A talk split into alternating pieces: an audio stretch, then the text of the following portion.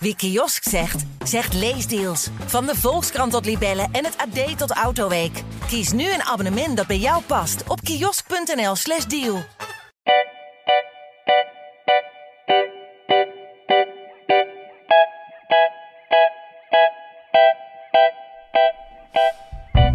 Goedendag en fijn dat u luistert naar 2021, de nabespreking. Een nieuwe podcast van de Volkskrant. Mijn naam is Pieter Klok, hoofdredacteur van die krant. En in de dagen tussen kerst en oud en nieuw willen we iedere dag in gesprek met prominente redacteuren en columnisten. Uh, dat willen we doen aan de hand van voorspellingen die ze aan het, uh, aan het begin van dit jaar hebben gedaan. En uh, daarmee gaan we terugblikken op een wederom in alle opzichten zeer turbulent jaar. En willen we ook vooruitkijken naar het volgende. Vandaag spreek ik met economie-redacteur Koen Hagens.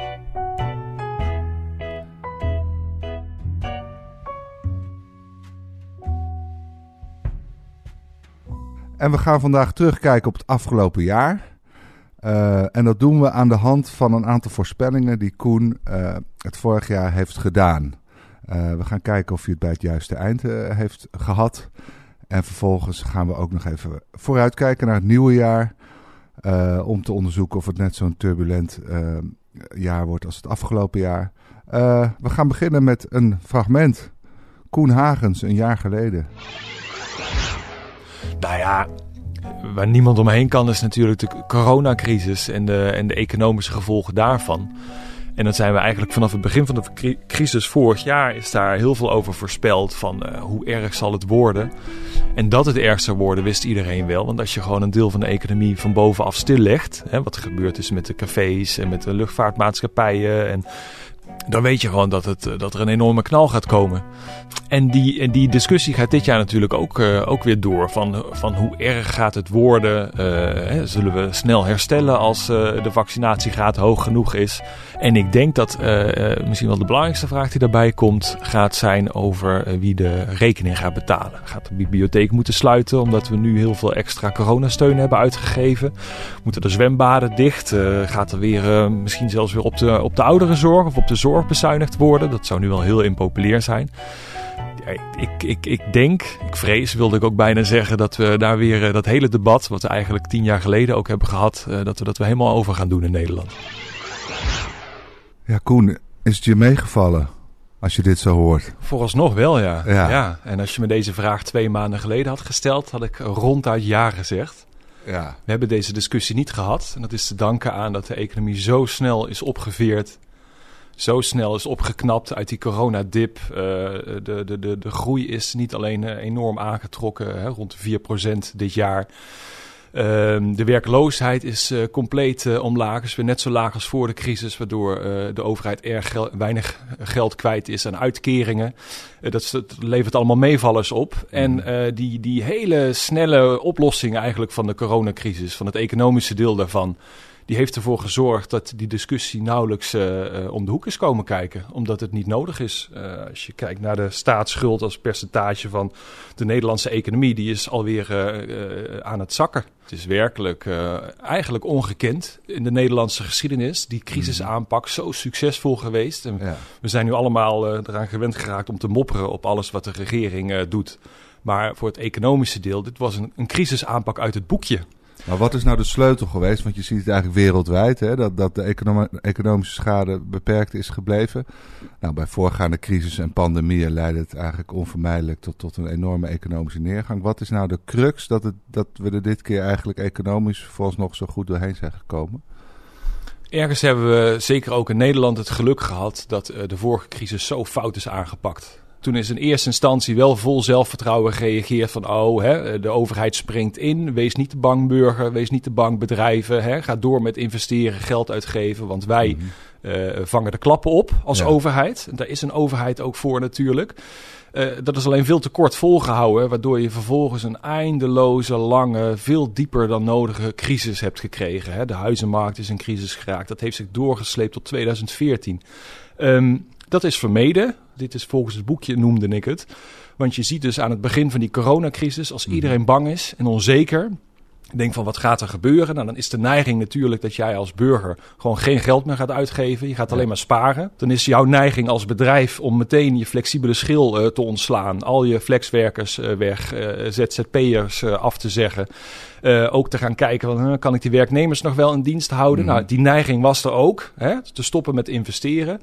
Maar de overheid is ingesprongen, heeft gezegd, we betalen de lonen door. We, we geven iedereen een bodem onder zijn bestaan, dus wees niet bang.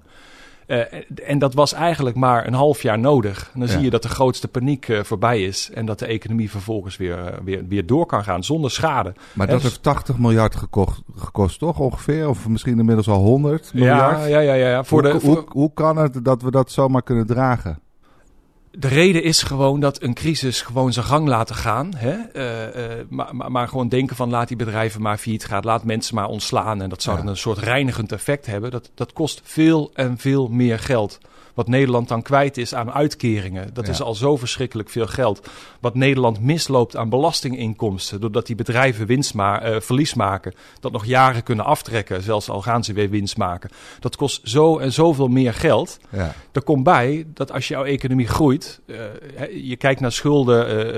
Uh, wij beschrijven het wel als een absolute aantallen. Dan staat de Mm. rekening nu inderdaad boven de 80 miljard euro Mm. voor Nederland. En daar gaat nu meer geld bij komen door de nieuwe steunrondes. Maar je moet eigenlijk kijken, uh, wat relevanter is, is of die economie die schulden kan dragen. Nou, dan kijk je ten opzichte van de omvang van de economie. En dat is een percentage. En dat percentage is ontzettend laag in Nederland. De laagste van Europa bijna. Uh, onder de, de zeer strenge Europese schuldenplafond van 60% van je, van je economie. Dat de schuld mag bedragen. En die is alweer dus aan het zakken. En als je dat ziet voor de komende jaren door de economische groei, dan zakt dat vanzelf. En dan, uh, dan, dan hoef je dat geld eigenlijk niet zo meer terug te betalen. En is dit, kun je eindeloos mee doorgaan? Want uh, uh, nou, we krijgen steeds meer het gevoel dat die pandemie uh, nog wel jaren onder ons blijft. En misschien wel eeuwig. dus misschien zullen we moeten leven dat we eens in de zoveel tijd weer een lockdown zullen krijgen. Is er een soort maximum aan, de, aan het geld wat de overheid kan betalen? Of kun je hier gewoon mee doorgaan? Tuurlijk is er een maximum aan. Dat, is dat is er overal. Hè? Geld is niet gratis. Um, maar wat je nu ziet, dat een klein deeltje van de economie. Want het is, hè, ook al is het heel erg zichtbaar, de cafés en, en, en, en de theaters en de restaurants uh, en, en, en de toerismesector. Maar het is, qua, qua omvang is het maar een klein deeltje van de economie. Um, dat je die zou moeten doorbetalen, uh, uh, één, twee maanden per jaar. Ja, dat zou de economie wel kunnen hebben. Als de rest ja. doorloopt. Ja. Want de rest, daar wordt zoveel geld verdiend. Uh, dat stroomt weer de schatkist in. Dat kan wel. Ja. Het is alleen de vraag, als dit echt voor langere tijd zou duren. Ja, dan, dan, dan, dan hebben eigenlijk bepaalde sectoren niet de toekomst die we ze nu toedichten. Namelijk, het is eigenlijk het stukje de, de massa-economie. Hè, waarbij je massa's mensen nodig hebt. Die komt nu in het gedrang. Maar vraag festivals waar mensen in grote getalen samenkomen, dat gaat het wel, dat gaat het moeilijk krijgen. De meute-economie, hè? Dat stukje waar de, de, de, intensieve menshouderij plaatsvindt. Ja, ja. Prachtig woord. De meute-economie gaat het zwaar hebben. We gaan naar een volgend fragment over de bezuinigingen. Die discussie rond bezuinigingen, uh, die gaat zeker op gang komen. Want uh, het leek het afgelopen jaar even alsof Nederland bekeerd was. Hè? Uh, Nederland is heel raar eigenlijk. We zijn met z'n allen heel erg raar. We hebben namelijk helemaal geen schuld, uh, schuldenprobleem, persoonlijk. We doen dat soms wel zo, alsof dat is. Maar we hebben uh, een van de hoogste huizenschulden van Europa. Dus zolang die schulden particulier zijn, vinden we dat in Nederland normaal. Maar zodra die schulden van de staat zijn, dan hebben we allemaal vrees en zorg over... Hè, moeten de toekomstige generaties dit gaan betalen? Hoe gaan we dat ooit aflossen? Straks wil niemand ons geld meer lenen op de financiële markten. En het afgelopen jaar leek met corona in één keer alsof die zorgen weg waren. Dan kun je denken, uh, dit is een, uh, een, een, definitieve trendbreuk, een, een, een, verandering van de mode. Maar ik denk, ik denk dat, het, dat het, dit zit zo diep in Nederland, dit, uh, die, die, die angst voor schulden, dat het wel degelijk gaat terugkomen. Dus zodra de angst voor corona weg is, krijgen we de angst voor schulden.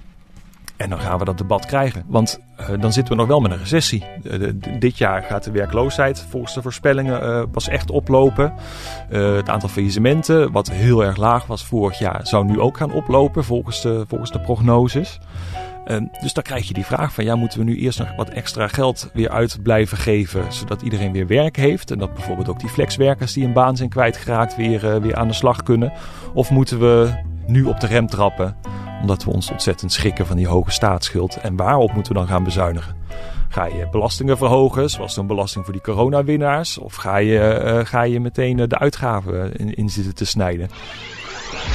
Ja, Koen, je legde net al uh, heel helder uit dat bezuinigen volgens jou helemaal niet zo hard nodig is.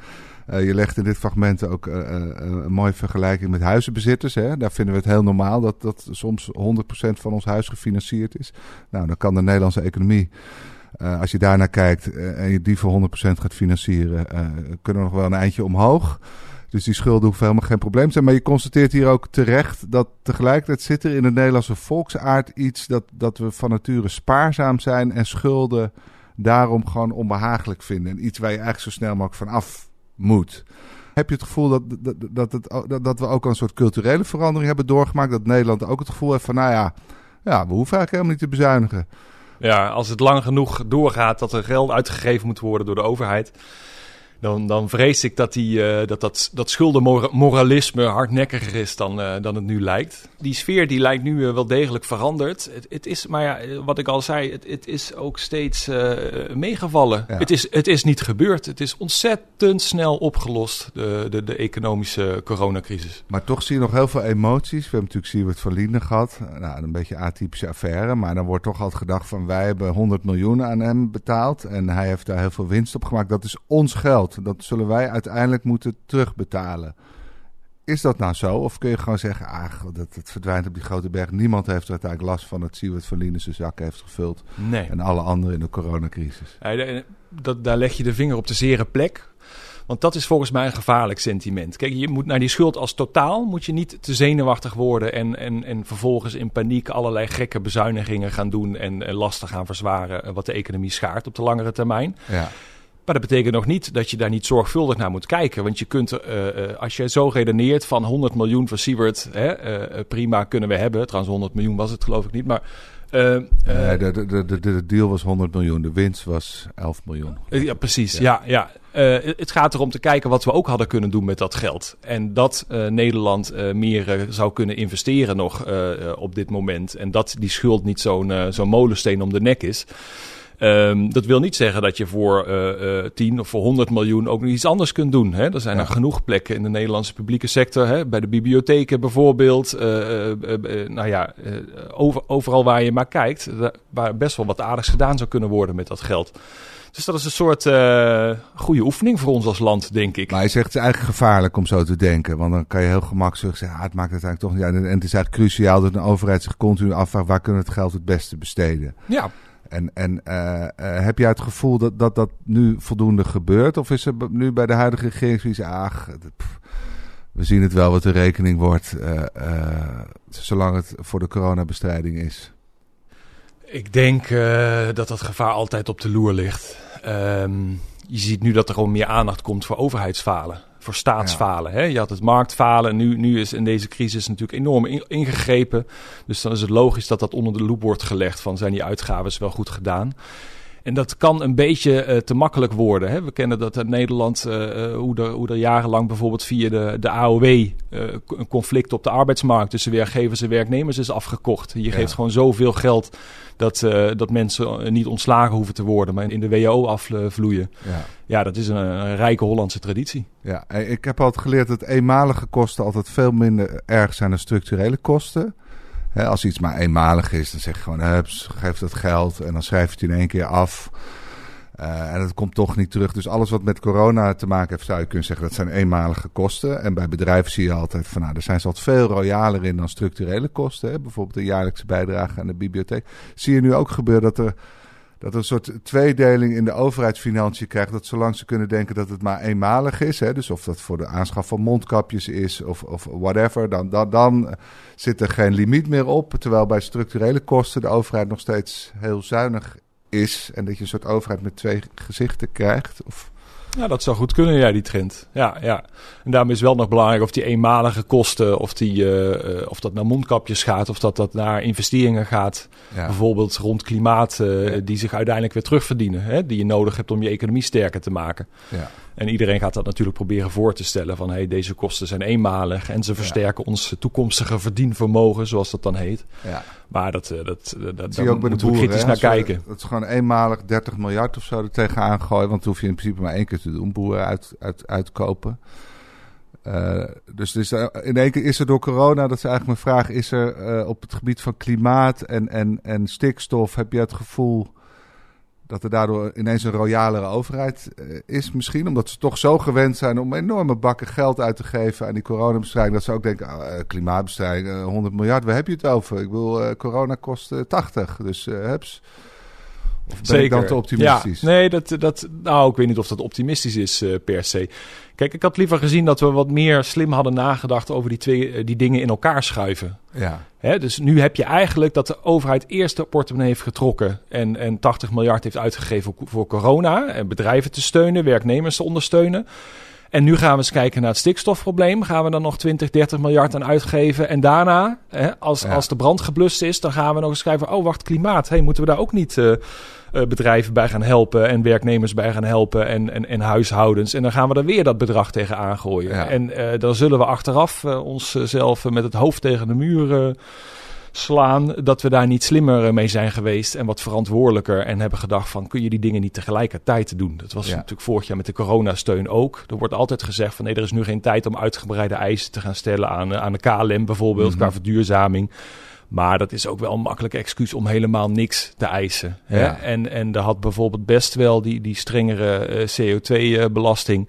die had juist ingezet kunnen worden. Hè? Van we, we redden jullie nu, uh, we redden de economie. En in rul daarvoor hè, gaat er over een paar jaar die CO2-belasting uh, fors, forser omhoog dan nu het geval is. Eigenlijk zeg je, heeft over die ruimte niet voldoende gebruikt, om te zeggen. Maar dan eisen wij ook dat je geen uh, uh, belastingontwijking meer doet, bijvoorbeeld. Of nou ja, je had op heel veel terreinen eisen kunnen stellen. En die kans hebben ze laten liggen. Ja, zo wist dat. Ja, ja. We gaan naar het derde fragment. Hoe ziet het herstel eruit? We kunnen alsnog krijgen uh, dat, uh, uh, dat het helemaal fout gaat lopen. Dat de economische crisis die er nu al wel is, er is een soort recessie, uh, dat, die, uh, dat die overslaat op de banken en op het financieel systeem. En dan krijg je een financiële crisis en dan gaat het echt jaren duren. En dan wordt het een herhaling van zetten van, van de vorige keer. Het kan ook zo zijn, dat is het scenario wat we afgelopen zomer eigenlijk zagen, dat die maatregelen voorbij gaan. Iedereen, uh, nou niet iedereen, maar veel mensen hebben heel veel geld op de bank staan. Nederland heeft meer dan ooit gespaard het afgelopen jaar. En iedereen is blij dat je dat weer kunt uitgeven. We gaan de terrasjes op. We boeken eindelijk die mooie reis naar het buitenland die we wilden boeken. Uh, de cafés kunnen dubbele vragen voor een cappuccino. En we betalen het nog steeds met een grote glimlach. Hè? En, en al dat spaargeld wordt uitgegeven. En dan ben je heel snel uit de recessie. Ik schat eigenlijk in dat de, de, de, de kans dat, dat we aan het einde van het jaar. dat ik uh, dan moet gaan zeggen van. oh, dat was toch een, een, een financiële crisis. en nu is het veel langer gaan duren. is toch wel minder dan de helft. Nou, een zeer adequate voorspelling, Koen. Uh, nou ja, het fenomeen financiële crisis, dat, dat fascineert mij, omdat ik erbij was in 2008, toen, toen we hem hadden. En, en toen was ik aanvankelijk bang dat, dat nou ja, de hele economie in zou storten. Ik weet nog een keer dat ik door Utrecht liep en, en fantaseerde over, nou, dit worden misschien ruïnes op den duur, want dit zou wel eens het einde kunnen zijn van onze welvaart. Nou, dat is uiteindelijk toen enorm meegevallen. Maar de sleutel was natuurlijk uiteindelijk denk toch de, de Europese Centrale Bank, de ECB, die besloot van zodra de krapte ontstaat met financiële markten, te weinig geld. Hè, wat in het verleden eigenlijk een oorzaak was dat, dat, dat het systeem helemaal vast ging lopen. Dan pompen wij er gewoon onbeperkt hoeveelheden geld in. En dat, dat doen ze nu eigenlijk weer. Uh, waardoor eigenlijk, nou ik, ben benieuwd hoe je tegenaan. Kan er ooit nog een financiële crisis komen, zolang een Europese Centrale Bank dit doet? Ja, en dat is het spannende. Uh, het antwoord is volmondig ja. Er kan nog uh, zo'n crisis komen. En dat is het spannende dat we, wat we hebben gezien het afgelopen anderhalf jaar. Uh, ik heb het ergens een keertje vergeleken met een soort van uh, museum of wereldtentoonstelling over de economie. Ja. We hebben in anderhalf jaar tijd, heb ik zo'n beetje alle fenomenen uit de economische lesboekjes voorbij zien komen. En dan in sneltreinvaart. Een soort gigantische polonaise van, van economische fenomenen. We hebben een, een, een crisis gehad. We hebben recessie gehad. We hebben depressiedreiging gehad. We hebben deflatiedreiging mm gehad. Anderhalf jaar geleden. En we hebben nu vervolgens hoogconjunctuur, boom, weet je, totale feest. Uh, iedereen heeft het idee dat je super makkelijk geld kunt verdienen. Dat je van de een op het andere moment kunt binnenlopen met de juiste belegging. Het is een soort jaren twintig uh, uh, roaring twenties gevoel. en nu hebben we dus ook nog dat andere fenomeen, het spiegelbeeld van anderhalf jaar geleden, inflatie. Ja. En eigenlijk zie je daardoor voor de eerste keer in jaren duidelijk hoe uh, uh, deze, deze, deze, deze truc van de centrale mhm. banken zou kunnen aflopen. Uh, dat het dus niet werkt, zoals jij zegt. Want het leek inderdaad de afgelopen tien jaar van, nou ja, hè, we hebben het, het perpetuum mobile van de economie uitgevonden. Het gaat mis, je pompt er geld bij, je zet er geldpers aan. Een klaar is Kees. En de enige grens waar dat op kan stuiten is inflatie. Nou, we hebben nu uh, in Nederland uh, kortstondig uh, zeer hoge inflatie. Iedereen denkt en hoopt en gelooft dat die wel weer wat minder zou worden. Maar stel nou dat die inflatie 3, 4 procent blijft. Dat is veel te veel voor de, voor de Europese Centrale Bank. Op zo'n moment zouden ze eigenlijk de rente moeten verhogen en moeten stoppen met schulden opkopen. Ja. Nou, stel je nou dat dat gepaard gaat met een nieuwe recessie bijvoorbeeld door een onverwachte uh, coronawending. Hè? We hebben de mhm. Omicron-variant, als dat helemaal fout zou uitpakken. Dus dat die eigenlijk die centrale bank zou moeten ingrijpen, nieuw geld zou uh, moeten, moeten, moeten bijdrukken, extra schulden zou moeten aankopen. Maar dat ze dan in één keer hun handen gebonden zijn, omdat die inflatie al zo hoog ligt. En dus al je, je, je welvaartswinst die je daarmee zou kunnen boeken, verdampt doordat de prijzen stijgen. Ja. Nou, dan heb je dus het, het, het gevreesde scenario, wat gewoon tien jaar lang een soort pure theorie was. Hè, dat de centrale banken zonder munitie zitten. Ja, maar die ECB komt dus op een gegeven moment in het dilemma. Laten we de inflatie verder oplopen met alle. Wat zijn eigenlijk de, de grootste gevaren van inflatie? Nou, dat, eh, dat jij en ik uh, voor ons salaris uh, veel minder kunnen krijgen. Ja, maar dan gaan we hogere lonen eisen. Ja, en, en, en dan krijg je dus door hogere lonen uh, moeten de prijzen verder omhoog van de werkgevers om die ja. lonen te kunnen betalen. En omdat de prijzen verder omhoog gaan, heb je dus nog meer inflatie en moeten wij nog ho hogere lonen. En dat gaat dan eindeloos doen. door. Dat gaat, gaat eindeloos door, zonder dat je ook maar een stapje rijker wordt als samenleving. Ja. Dat maar is wat het, is het gevaar van? Ja, nou ja, we weten natuurlijk uh, in extreme gevallen Venezuela en eerder in Europa Weimar, dat het dan een soort spiraal omhoog, waardoor je uiteindelijk uh, 100.000 euro voor je brood betaalt. Maar uh, wat verwacht je dat de Europese Centrale Bank do doet op zo'n moment? Kiezen ze dan toch voor uh, rente verhogen, uh, minder geld uitlenen... met het risico dat we alsnog in een soort recessie of depressie komen? Of zullen ze dan toch denken, nou ja, laat die inflatie maar we kijken wel waar dit eindigt. Nou, je ziet nu dat ze kiezen voor, uh, we gaan gewoon heel erg volhouden dat die inflatie heel tijdelijk is. Dat het uh, per januari al wat beter wordt. Maar dat, dat is het eerste wat ze, wat, ze, wat ze doen. En dat zullen ze zo lang mogelijk blijven doen. Ja. Zodat ze dus niet in die spagaat terechtkomen komen ze toch in die spagaat, dan zul je dus dan toch uh, de rente moeten gaan verhogen op dat moment. Gewoon vanwege wat er op papier staat over de regels, wat hun missie is. Hun missie is prijsstabiliteit, niet zorgen ja. voor zoveel mogelijk welvaart, banen, economische groei in Europa. Want dat is gek, hè? Wat ik zeg, eigenlijk is de, de missie van de Europese Centrale Bank is veranderd. Het was altijd puur inflatie. Ook altijd met Weimar in het achterhoofd. Terwijl de Amerikaanse uh, centrale bank, of het stelsel van centrale bank, had volgens mij ook economische groei en werkgelegenheid expliciet in zijn missie staan. Hè? Dus die moesten ook zorgen dat die uh, beide uh, goed bleven. Waardoor zij na de crisis van 2008 veel sneller ook geld in de economie gingen pompen, toch? Omdat ze dat als hun missie zagen. Ja, maar nu is het zo dat de rollen zijn een beetje omgedraaid. Want in Amerika wordt volgens mij wel gesproken al over uh, het terugdraaien van de. Uh, van, of het, het, dichtschroeven van de geldkraan. Terwijl Europa lijkt toch de indruk te wekken van nou, niet nodig, uh, geen problemen hier. ja, ja. Nou, dat, is, dat komt omdat Europa voortdurend achterloopt bij Amerika in, de economische cyclus. Dat zie, je, zie je gewoon al jaren achter elkaar. Dat de ECB uh, de, de Federal Reserve volgt. Uh, belangrijker is denk ik dat je gewoon ziet dat Europa heeft er een ongeschreven missie bijgekregen in het monetaire beleid. En dat is dat de ECB degene is die de eurozone bij elkaar haalt. Ja. Anders valt hij gewoon om. En daarvoor is het nodig dat je uh, de schulden van de overheden goedkoop houdt. Dus dat je die staatsschuld blijft opkopen. En dat zijn uh, twee dingen die tegenovergesteld uh, kunnen zijn aan elkaar. En is er ook nog een risico dat de euro op een gegeven moment valt? nee, de, de, de, de, dat, dat hele idee dat een munt zou vallen.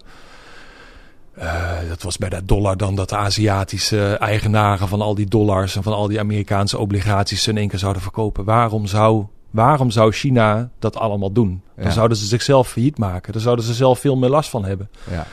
Want zij, nou, dat, dat, die, die scenario's die zie ik niet zo, zie ik ook niet zo voor de euro. Het enige wat is, is dat de Europese Centrale Bank bij langdurige hoge inflatie, moeten we misschien zo nog maar even over hebben of, dat werkelijk zo gaat. Ja. Zo gaat, hè? maar als dat zo zou zijn, dat die ECB klem komt zitten, dat ze niet meer hun grote bezoeker hebben en dat ze daarmee dus niet meer de eurozone bij elkaar kunnen houden met die schuld aankopen. En dan kun je hebben dat de euro weer in de problemen komt. Ja. Uh, dus dat is niet, niet zozeer een, een soort val van de waarde van de euro, maar wel dat je, ja, die eurozone blijft een beetje broos. Daar blijf je verbandjes uh, bij nodig hebben en pleisters. Ja, laatste vraag. Gaan we door naar het volgende fragment.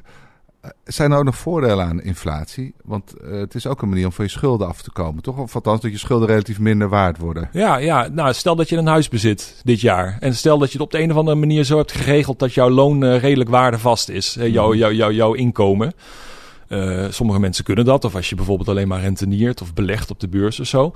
Ondertussen wordt jouw huis eigenlijk, uh, als de inflatie 4% is, uh, ja, dan, dan verdampt die huizenschuld. Want die schuld die wordt steeds makkelijker af te betalen. Ja. Die wordt 4% in zekere zin minder waard per jaar, die schuld. En, nou, en uitgedrukt in broden is je huis ook, wordt gewoon steeds goedkoper. Ja. ja. Oké, we gaan naar het volgende fragment. Koen Hagens over flexibilisering. De directe gevolg van de crisis is dat er meer geflexibiliseerd wordt natuurlijk. In eerste instantie zijn alle flexkrachten er, eh, er als eerste uitgegaan.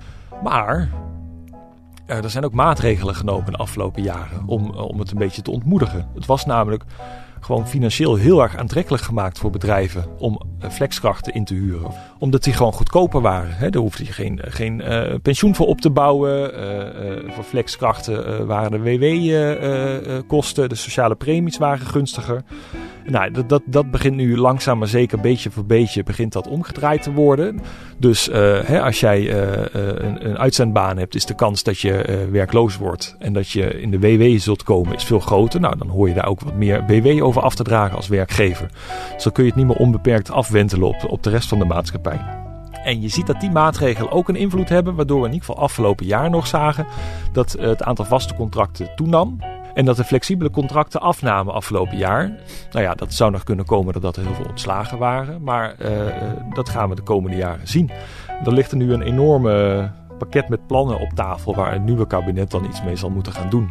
Om, uh, om dat verder, zeg maar, het, het, het speelveld eerlijk te maken tussen uh, vaste contracten en flexibele contracten en ZZP. En daar zal het van afhangen, denk ik.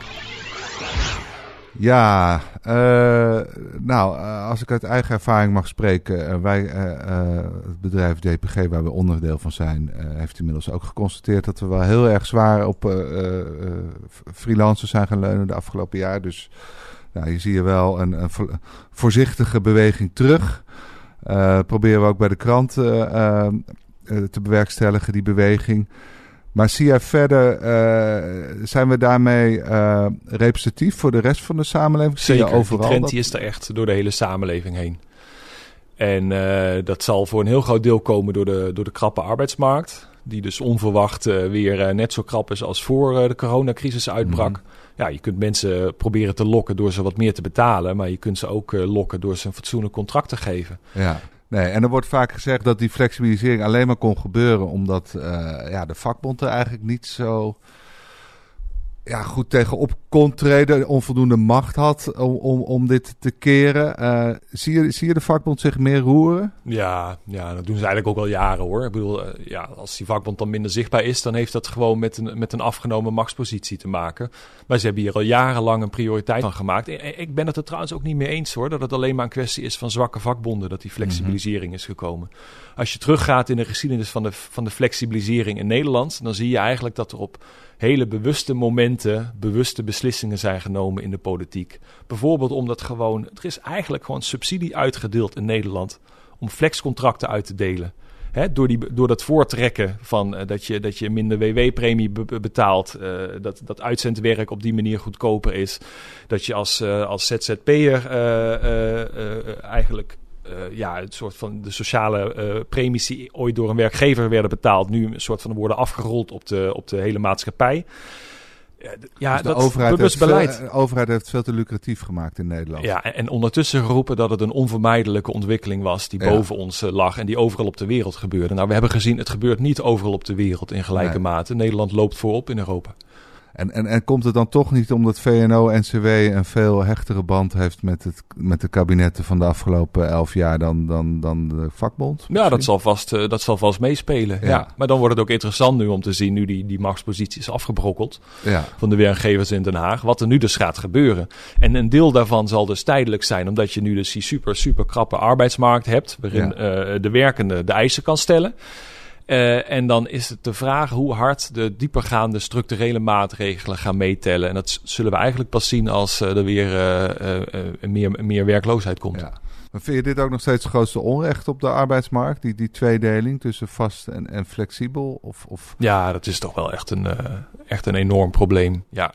Je kunt niet, bedoel, ook discussies die ik heb met, met mensen van mijn leeftijd en, en, en alle leeftijden eronder. Het gaat eigenlijk nooit meer over hoeveel verdien jij meer dan ik. In de zin van, hè, is dat 100 euro of is dat een paar honderd euro? Mm Vind je wel leuk van elkaar om te weten. Maar de, de, de veel belangrijkere vraag is, heb jij een vast contract? Ja? Dat is, dat is hetgene wat status geeft. Omdat niet, niet uit een soort uh, totale burgerlijkheid. Hè, dat, je, dat je vastgegroeid zit in je leven. Maar omdat het de deur opent naar allerlei andere mooie dingen in het leven. Namelijk een eigen huis kunnen kopen. Waardoor je vervolgens de helft van de maandlasten hebt van eh, die leeftijdsgenoot die moet huren.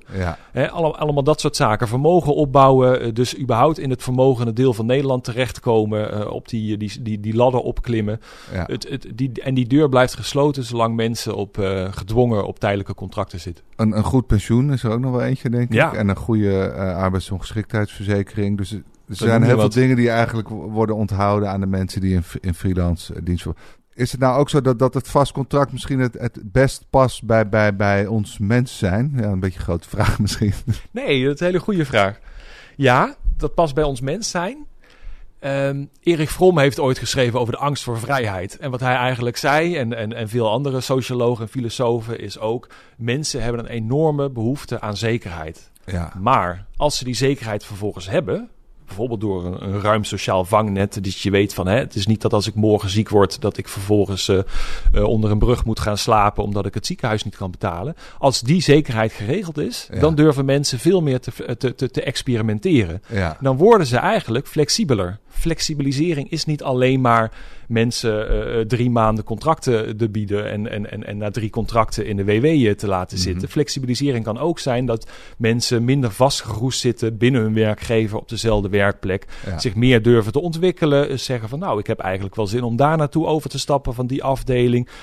Dus dus dat durven ze kan veel vanuit mensen komen. Ja. Als ze zekerheid hebben. En als, als je een, een permanente voorwaardelijkheid, voorwaardelijkheid hebt op de arbeidsmarkt, zoals we de afgelopen 10, 20 jaar zijn gaan zien, ja. dan gaat iedereen blijft krampachtig vasthouden aan wat hij heeft en durft eigenlijk helemaal niet, niet verder te kijken. Maar, maar denk je toch niet dat er voor werkgevers uh, in sommige branches of sectoren wel voordelen aan zitten? Uh, om, om, om juist wel creativiteit te stimuleren, wel juist wel flexibiliteit?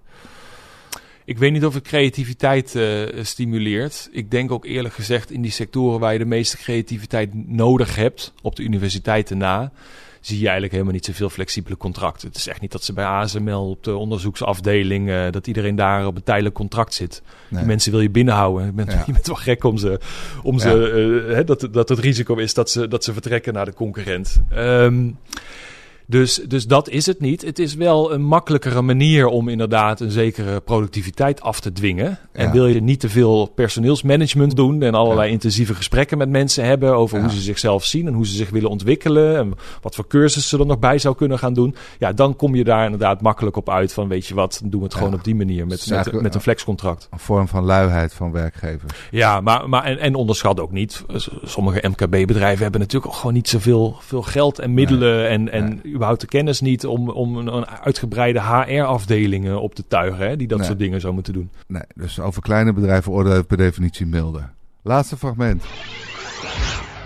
Ik hoor niet bij de mensen die denken van dat omdat dit nu gebeurd is en een coronacrisis gebeurd is, gaan allerlei andere dingen niet gebeuren. Uh, er is eventjes wat minder uitgestoten afgelopen jaar, omdat er minder uitgestoten kon worden. Hè. De vliegtuigen bleven aan de grond en mensen, mensen moesten thuiswerken dat, die, die milieuwinst die zal heel snel weer verdwijnen. Uh, het is net zo onzeker na de crisis als voor de crisis of, uh, of, of uh, hoe, hoe de economie gaat reageren op klimaatverandering.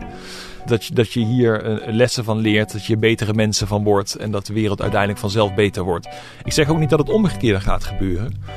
Maar ik heb wat, wat de CEO's dan de Great Reset noemen. Hierna kunnen we een nieuwe start maken. Dan gaan we eindelijk de klimaatverandering echt aanpakken. Eindelijk die circulaire economie, dat soort zaken. Nou, eh, stel dat ik extreem rechts was, dan zou ik het ook gewoon kunnen omdraaien. Namelijk, wat is er afgelopen jaar gebeurd? Hey, we hebben gezien dat je de grenzen in één keer op slot kunt gooien. Uh, de globalisering uh, leek een beetje gestopt te kunnen worden. De internationale handel is teruggelopen.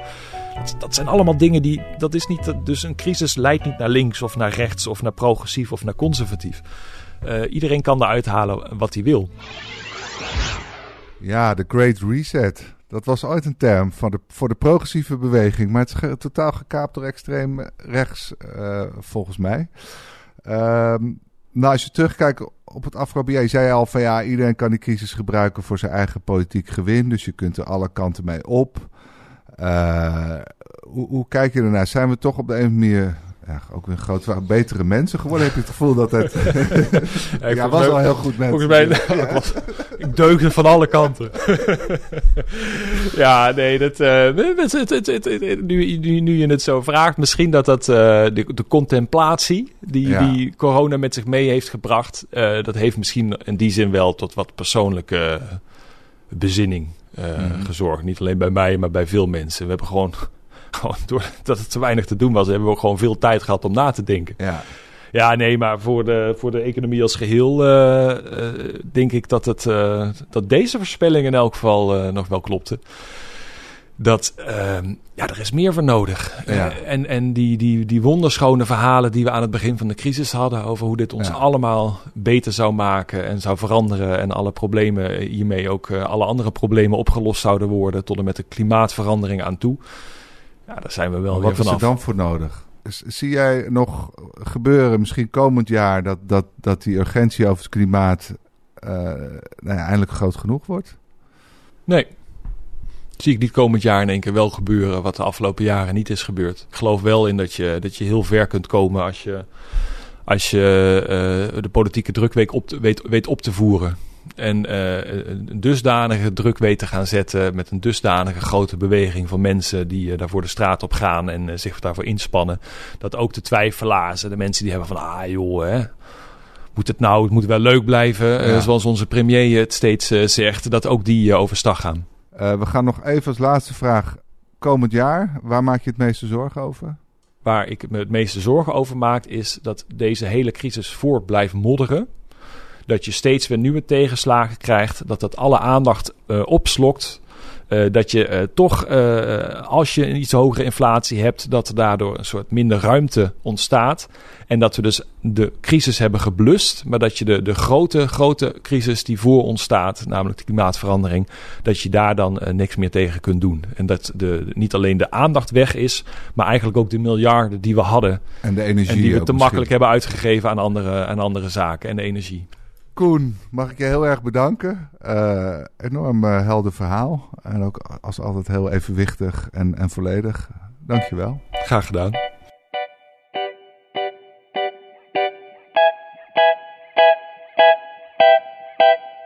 Zeer bedankt voor het luisteren. Uh, de volgende gast die hier in de Kamer komt is de onvermoeibare coronaspecialist van deze krant, Maarten Keulemans. Hij gaat ons vertellen of het afgelopen jaar voor, hem nog verrassingen in petto heeft gehad. Of dat hij het allemaal al zag aankomen. Maar ook wat het komend jaar uh, voor ons zal brengen. Uh, nou ja, eigenlijk allemaal vragen die voor ons leven enorm belangrijk zijn. Dus we hopen dat hij enige licht in de duisternis kan laten schijnen. De interviews werden eerder afgenomen begin dit jaar door Lotte Grimbergen, Simone Eleveld en Geert van der Pol. De eindredactie van al onze podcasts is in handen van Corine van Duin. En de montage en eindredactie van deze podcast was in de veilige handen van Tom van Rooyen. Wie kiosk zegt, zegt leesdeals. Van de Volkskrant tot Libellen en het AD tot Autoweek. Kies nu een abonnement dat bij jou past op kiosk.nl/slash deal.